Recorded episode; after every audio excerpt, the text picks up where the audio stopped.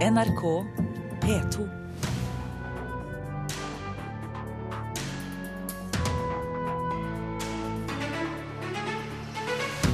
Burning 2 er helgens mest sette kinofilm. Nå møter filmens manusforfattere anmelderen som slaktet dem til debatt. Den siste utstillingsserien der kunstnere stilles opp mot Munch, er like storslagen som den første. Og verden vil lære om stillhet av Erling Kagge. Den nye boka hans er solgt til ni land på én uke. Velkommen til Kulturnytt. Mitt navn er Stine Tråholt. Bilfilmen 'Burning 2' ligger på kinotoppen over helgens mest besøkte filmer. Så langt har hele 107 000 sett den norske action... Nei, 207 000 sett den norske actionkomedien. Likevel, Dagbladets anmelder er lite begeistret. Før helgen ga han filmen terningkast to og kalte den kvinnefiendtlig. Snart så møter han filmens to kvinnelige manusforfattere til debatt, men først så skal vi høre litt om hva helgens kinopublikummere syns om filmen.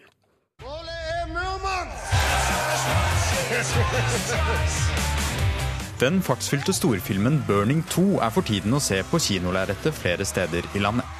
Filmen er oppfølgeren til filmen 'Burning', som ble sett av nærmere 380 000 nordmenn i 2014. Og når publikum går ut fra salen på Saga kino i Oslo, mangler det ikke på lovordene. Nei, det er jo, det er jo gøy, det er jo veldig gøy å se rallykjøring som man liksom egentlig har lyst til å gjøre, men som man eh, ikke får muligheten til å gjøre. jeg syns den var veldig morsom. Jeg. Hvorfor det? Eh, nei, det er jo bra humor. Jeg syns eh, 'Burning 2' var en eh, spennende og fartsfylt film. Og ganske morsomt å se på. Hva med deg? Det var inspirerende. Og ja, jeg syns den var veldig kul. Men til tross for at filmen har fått flere gode anmeldelser, valgte Dagbladets anmelder å gi filmen terningkast to, og beskylder den for å være kvinnefiendtlig. Og det er en dom det er delte meninger om blant publikum. Ja, den, den, bygger jo på de klassiske idealene om at det er mannen som kjører bilen og damen som sitter ved siden av. Så jeg kan jo være enig i det. Men det er jo var gøy for det. Dagbladets anmelder mente at eh, filmen kunne virke noe kvinnefiendtlig. Hva tenker du om det? Nei, ikke i det hele tatt. Festlig. Kan du forstå hvorfor han mente det? Nei, det skjønner jeg ikke. Det skjønner jeg ikke. Da har de en veldig dårlig smak. Også. Reporter Brage Berglund. Anmelder i Dagbladet Aksel Kielland. Du har dårlig smak, blir det sagt her. Hva syns du om det? Uh, jeg syns at jeg ikke har dårlig smak, men Men hva mener du når du sier at denne filmen går aktivt inn for å støte fra seg det kvinnelige halvdelen av publikummet? Uh, det er en rollefordeling i denne filmen hvor kvinner enten er uh, barn, masekjerringer eller mødre eller sånn dekorative elementer. Eh, som jeg, altså jeg ble veldig overraska over å finne i en såpass stor og dyr eh, norsk produksjon i 2016. Um, det er en ting som man aldri ville sett i en norsk barnefilm, f.eks., og det er en ting man ikke ville sett i en moderne Hollywood-film. Men Kan du gi oss et, et konkret bilde på hva, hva du mener med dette her? Eh, det er en gjennomgående tråd i, av, av, eh, i, filmen at kvinner omtales som eh, liksom, hjernedøde og pene. Ubrukelige sånn Det er i hvert fall tre replikker som det, og i starten så virker det som en sånn element som skal karakterisere rollefigurene, men på et eller annet tidspunkt er det nesten som om filmen overtar det perspektivet. og selvfølgelig, der, Som jeg skriver, så er det, en, det, er, det er ikke en sånn hard kvinnefiendtlighet, men det er en sånn tone som bidrar til å, til å liksom, sette den debatten og representasjonsdebatten et par skritt tilbake. Filmens to manusforfattere, Linn Jeanette Kyd og Anne Elvedal, velkommen til dere. Er dere kvinnefiendtlige film dere har skrevet her? Nei, det Absolutt er det jo ikke. ikke. Nei. Hvorfor ikke det? Nå hører dere jo anmelderen her. Det er jo ganske konkrete eksempler han har her. da. Ja, for det første, så det eksempelet han har med at uh, Han sier jo at i Burning 2 så omtales kvinner gjennomgående som hjernedøde bimboer. Det, det, stemmer jo ikke. Det er uh, en replikk helt i starten av filmen uh, hvor Roy kommenterer når rånerne kommer inn i filmen. og det er helt vanlig, fordi vi skildrer jo forskjellige bilmiljøer, at det er en slags sånn vennskapelig dissing mellom de ulike bilmiljøene. Han kommer fra M-Car, og rånerne kommer inn. Og så sier han dette her at kaller da at damene er hjernedøde hjernedøde bimboer, og så får han seg en ganske overraskelse idet datteren hans kommer ut av bilen. Så han får en smekk på hånda med en eneste gang. Så, og det er den uh, replikken. Så det er, det er, humoren her? Det er humoren. Ja, altså det, det, er jo ingen tvil om at anmelderen uh, virker som hun ikke har forstått uh, sjangeren som 'Burning' er i. da. Istedenfor å anmelde filmen ut ifra premissene en slik sjanger har, så virker det som han heller har brukt anmeldelsen som en kanal til å formidle sine egne subjektive politiske holdninger. Og det, det blir for dumt, da. Har du misforstått, Kielland? Eh, nei, unnskyld, jeg har ikke misforstått, tror jeg. Men jeg tror jeg har et annet syn på altså, en film som, som, kommer inn i offentligheten, som dekker reklameplakater, i hvert fall hele Oslo. Altså, det er noe som skal få definere eh, rammebetingelsene for hvordan den selv blir oppfatta. Eh, på en måte, altså At den ikke skal gå inn i en videre kulturell debatt om hvordan kjønnene fremstilles. Altså, altså om, det er, om det er en subjektiv politisk oppfatning av å tenke at kvinner ikke skal ha sentrale roller, aktive, handlende roller i film, så, så er jeg enig, men det Vi er jo helt uenige, da. For jeg mener jo at filmen vår har mange sterke kvinnelige karakterer som har egne mål og står for det de tror på. Ja, På hvilken måte er de sterke, disse karakterene i filmen? Jo, det ser vi jo f.eks. På, på Roy sin datter, da, som står opp for det hun har, har lyst til å gjøre. Og og også flere andre karakterer som, eh, som altså eh, Kjelland her nevner jo liksom at det virker som når han sier at filmen har et spekter av mødre og barn, som om det skulle være eh, negativt. At på en måte å være mor, for å si det sånn. At hun må være hjemme og, og ikke kan være delt opp i racet. Og så er det interessant i forhold til um, Hvis man ser på de mannlige karakterene i filmen, så har man jo tilsvarende roller på alle mennene. Så hadde det vært interessant uh, hvis man liksom gikk uh, i detalj på å se hva slags karakterer de er. like karikerte, de mennene. Men dere, det er jo en kjent sak at det er få kvinneroller i norsk film. Nå hadde dere jo egentlig sjansen til å skru litt om da, og gi en kvinne uh, Sette kvinnen i førersetet og, og la, la de kjøre kappløpet. Hadde ikke det vært en god idé? For det første så er det jo eh, kvinnelige sjåfører som kjører eh, fletta av, av gutta boys her. Eh, for det andre så er, er det sånn at i denne filmen så handler det om Roy. Det er han som er hovedkarakteren, har alltid vært hovedkarakteren. Og datteren hans. Vi kunne ha satt henne bak rattet, men hun er ikke gammel nok til å kjøre ennå. Så, så, så enkelt er det. Mm. Kjelland, ja. ja. Nei, jeg vil påpeke at alle de kvinnene som kommer i mål, uh, blir kjørt dit av en mann. Uh, så det er jo en definisjon av å kjøre fletta av noen. Uh, og så selvfølgelig, altså, Man kan alltid si at kvinnelige karakterer er sterke. Om de føder barn eller om de vasker gulv. Alt kan gjøres sterkt. Poenget er at det forsterker en sånn Eh, det forsterker en, en, en, en, sånn eh, type, eh, et syn og en sånn tradisjon for fremstilling av kvinner som, som, jeg trodde var veldig hvorfor, langt tilbake.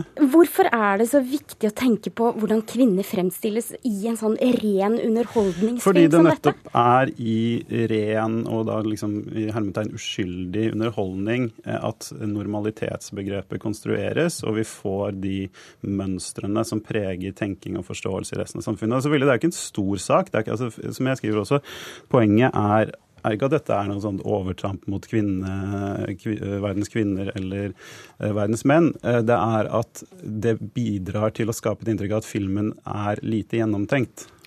Ja, Men jeg, jeg tenker jo altså det at um, syns jo bemerkelsesverdig da, at det blir kun kvinnekarakteren som blir satt veldig fokus på i filmen her, når, når, vi har mannlige karakterer som også er like stereotypisk. Og det virker, og da, og da oppleves det nærmest som eh, disk, diskriminerende. fordi da er det samme som å si at menn de kan fremstilles på akkurat den måten de vil, mens kvinner de må være forsiktige med. Der skal det være regler og begrensninger. Og med det så må jeg faktisk avbryte dere. Tusen takk for at dere kom, Linn Jeanette Kyd og Anne Elvedal, manusforfattere av Burning 2 og anmelder i Dagbladet Aksel Kielland.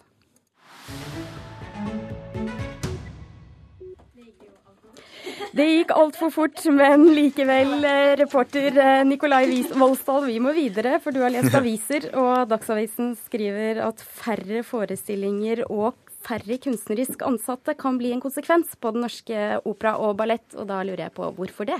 Årsaken er kort fortalt eh, manglende bevilgninger i neste års kulturbudsjett til operaen, eh, som eh, gjør at de nå opplever at dette er tredje år med strammere rammer i statstilskuddet. Og det er spesielt pensjonskostnader som trekker operaøkonomi i minus. Og det er Espen Langvik, som er tillitsvalgt for solistene i operaen, som også sier at et, resultat av dette blir at det blir flere priser, og at de ikke får ansatt flere solister, som de hadde håpet på. Vi skal holde oss til opera, for i Sverige så har de akkurat satt opp et nytt stykke om familien bak melkekartongen. Ja, det er Sveriges Radio som melder om dette nye operastykket 'Stilne min ild', eh, som handler om familien Rausing, som står da bak Tetrapak-emballasjen som brukes til melkekartonger, enten det er i Sverige i, eller i Norge eller Thailand, for den saks skyld. Og, men, men, stykket handler ikke om melkekartongene selv, det, det er eh, familiens medlemmer som uh, et, eller et av familiens medlemmer som har begynt å slite med rus etter han flytter til London for mange år siden. Og det fører da til hans fremtidige kone på et eller annet uh, vis. og som reportasjen selv poengterer, dette er noe som utvikler seg til å bli en litt sånn bisarr historie. Tusen takk, reporter Nikolai Voldsdal. I går åpnet den sjette og siste utstillingen i den mye omtalte Pluss Munch-serien, der Munch-museet har stilt ut ulike kunstnere opp mot Edvard Munch. Museet måtte ståle, ståle sterk kritikk i sin første sammenstilling, da Bjarne Melgaards penisbilder fikk henge side om side med ikoniske Munch-bilder. Men denne gangen så er det den danske kunstneren Asger Jorn som får avslutte serien. Og hva slags kunst lager han, kunstkritiker Mona Palle Bjerke? Ja, Asger Jorn han er jo en ekspressiv kunstner. Det betyr at han er følelsesladet. Han skaper et heftig, veldig fargesterkt uh, uttrykk. Uh, gjerne ganske abstrakt, men da ofte med også noen figurative elementer. Men er han like kontroversiell som Melgaard f.eks.? Nei, på ingen måte. Dette er en kunstner, han er født i 1914. Han passer jo veldig godt sammen med Munch. Er jo, Munch er jo på en måte ekspresjonismens eh, far, en pionerskikkelse. Og Jorn er jo en helt åpenbar viderefører av det veldig følelsesladde, heftige formspråket.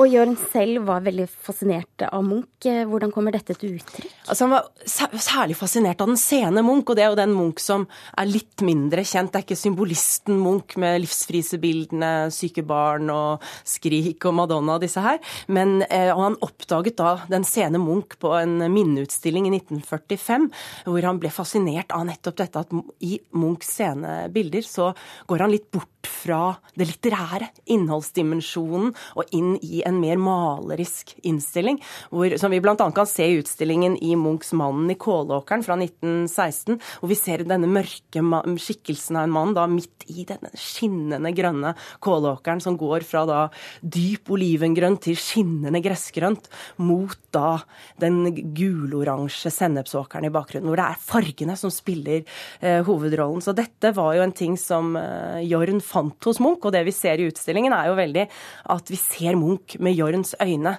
At det abstrakte ligger hele tiden under overflaten hos den sene Munch. Er dette en vellykket sammenstilling? Har vært, det har jo vært en del Det har vært eh, van Gogh, eh, og du har vært sånn Noen ganger syns det har vært litt søkte sammenstillinger, men denne gangen? Jeg synes dette er en en veldig veldig vellykket sammenstilling. Det er altså en sånn energiopplevelse å gå inn i denne utstillingen. Det er jo blant, blant annet en avdeling eh, som heter Eksistensiell uro, som er sånn eh, veldig veldig kraftfull, hvor eh, Munchs, en grafikkversjon av Munchs Skrik er stilt sammen med noen så rå og uhyggesvangre angstskildringer fra Jorns side, annet eh, Falbo 2, et raggete, glefsende vesen som nesten bare er en tangar, hele skikkelsen, og også dobbelt ansikt, som er hvor du ser et slags dødningeansikt, et skrikende vesen som bare stiger frem fra fargekomposisjonen. Og Man tenker jo det at ingen kan skildre angst som Munch, men når man kommer til Munch-museet, så ser man at Jorn kan. Jorn er altså den siste kunstneren som stilles ut mot Munch i denne serien. Har det vært et smart grep av museet? Altså, I hvert fall ut fra et sånt publikumsperspektiv. De har trukket veldig mye publikum. De har fått veldig mye oppmerksomhet, på godt og vondt. Eh, så det har vært et veldig, veldig godt grep eh, i den forstand. Og det har jo også vært mange vellykkede sammenstillinger. Det har vært morsomt å se Munch stilt opp mot ulike kunstnere. Og jeg syns jo utstillingen, denne siste utstillingen, den avslutter serien like storslagent og flott som de innleder innredet da med Melgaard og Munch.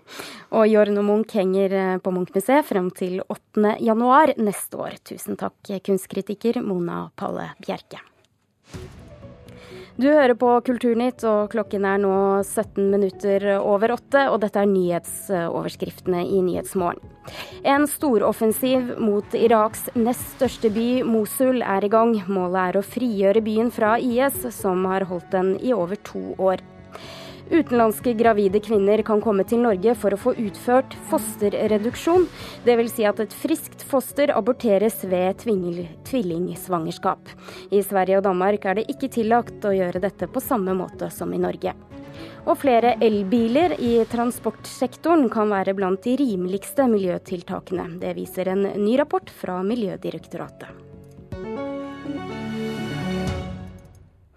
Og da skal vi snakke litt om eh, teater. 'Draum om høsten' omtales ofte som et nøkkelstykke i Jon Fosses forfatterskap, og denne høsten så satser Det Norske Teatret stort og setter opp stykket på, på teaterets uh, hovedscene.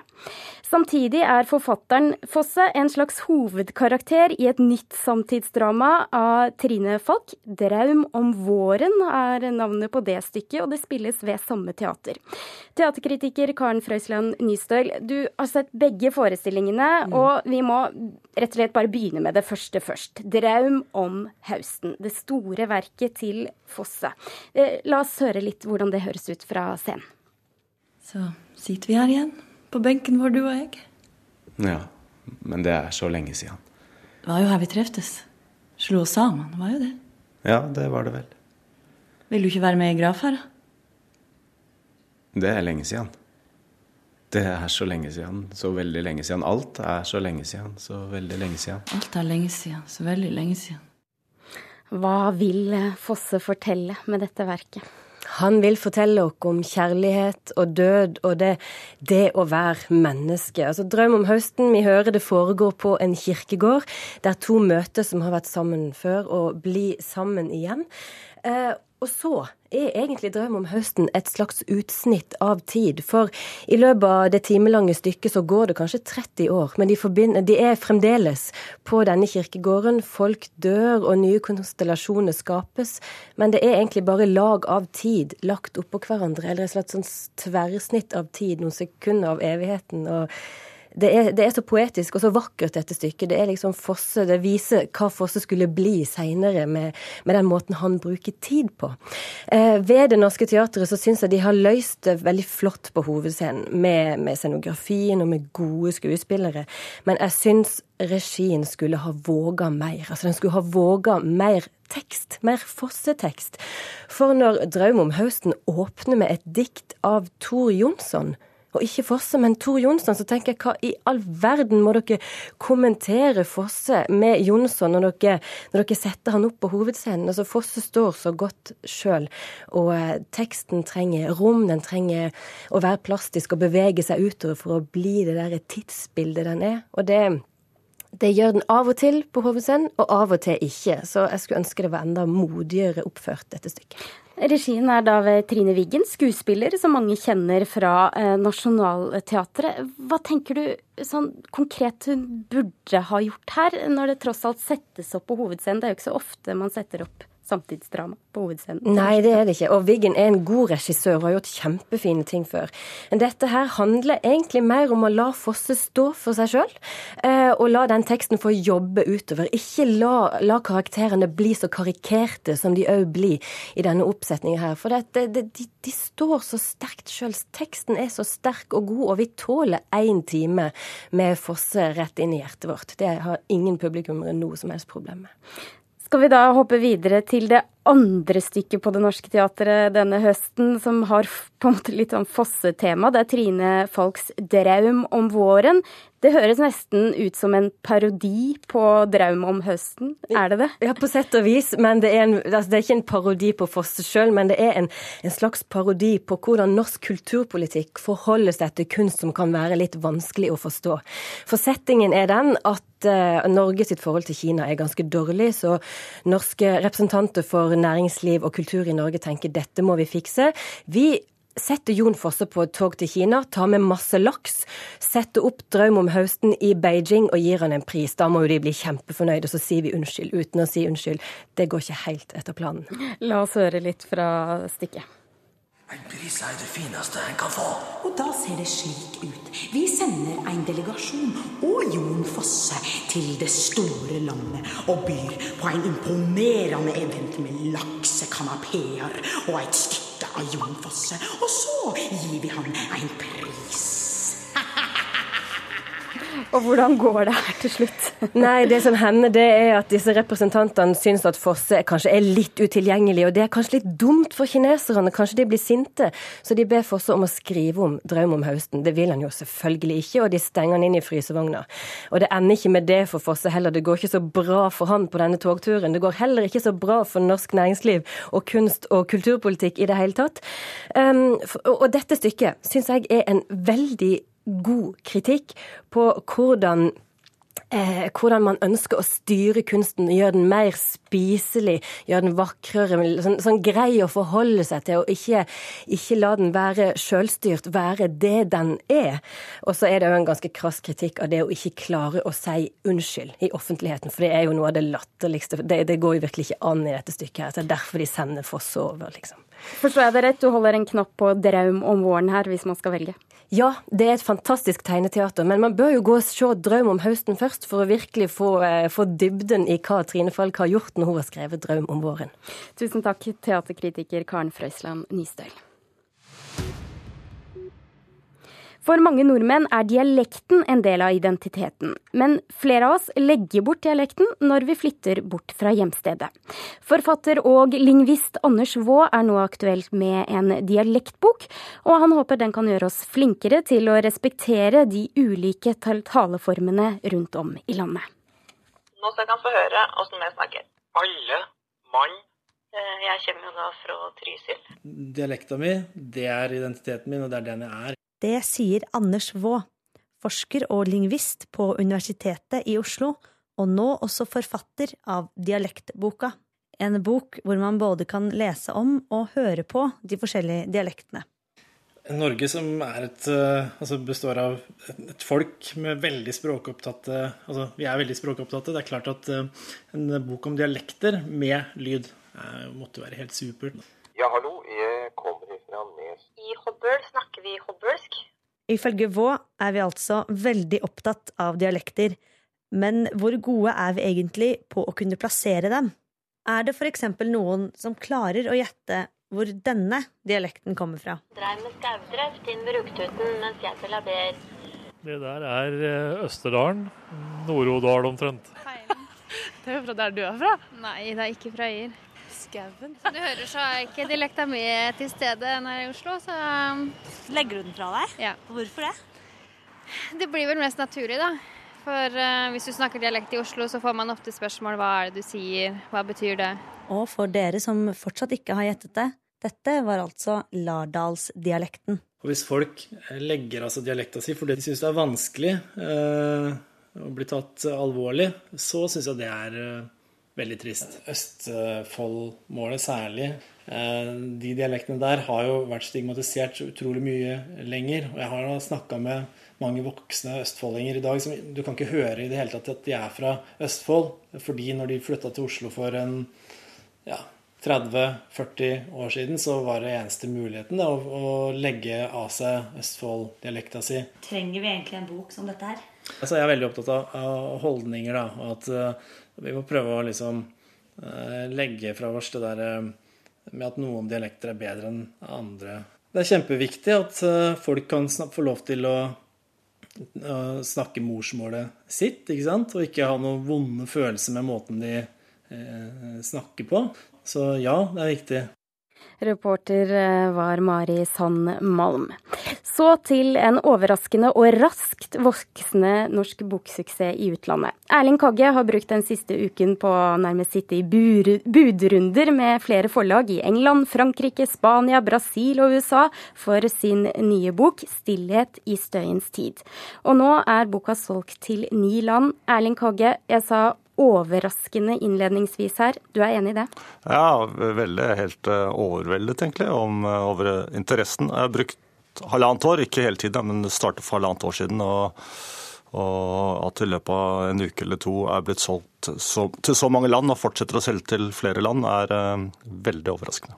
Hva er det, er det, som gjør da, at denne ballen ruller så fort nå og kjøpes opp i en rekke land? Litt usikker. Jeg tror det er veldig tiden. I Norge så har den ikke solgt noe videre i det hele tatt. Men uh, i utlandet så er det De tenker på sammenligning med den kondoboken, den om å rydde.